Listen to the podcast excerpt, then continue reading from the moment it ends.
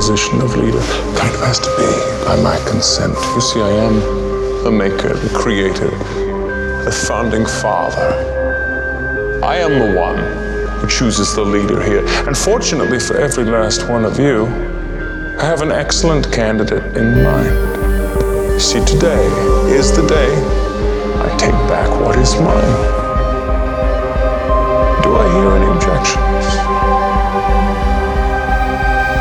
So, ladies and gentlemen, the offer I extend to you is simple enough. You follow me, I shall return you all to greatness.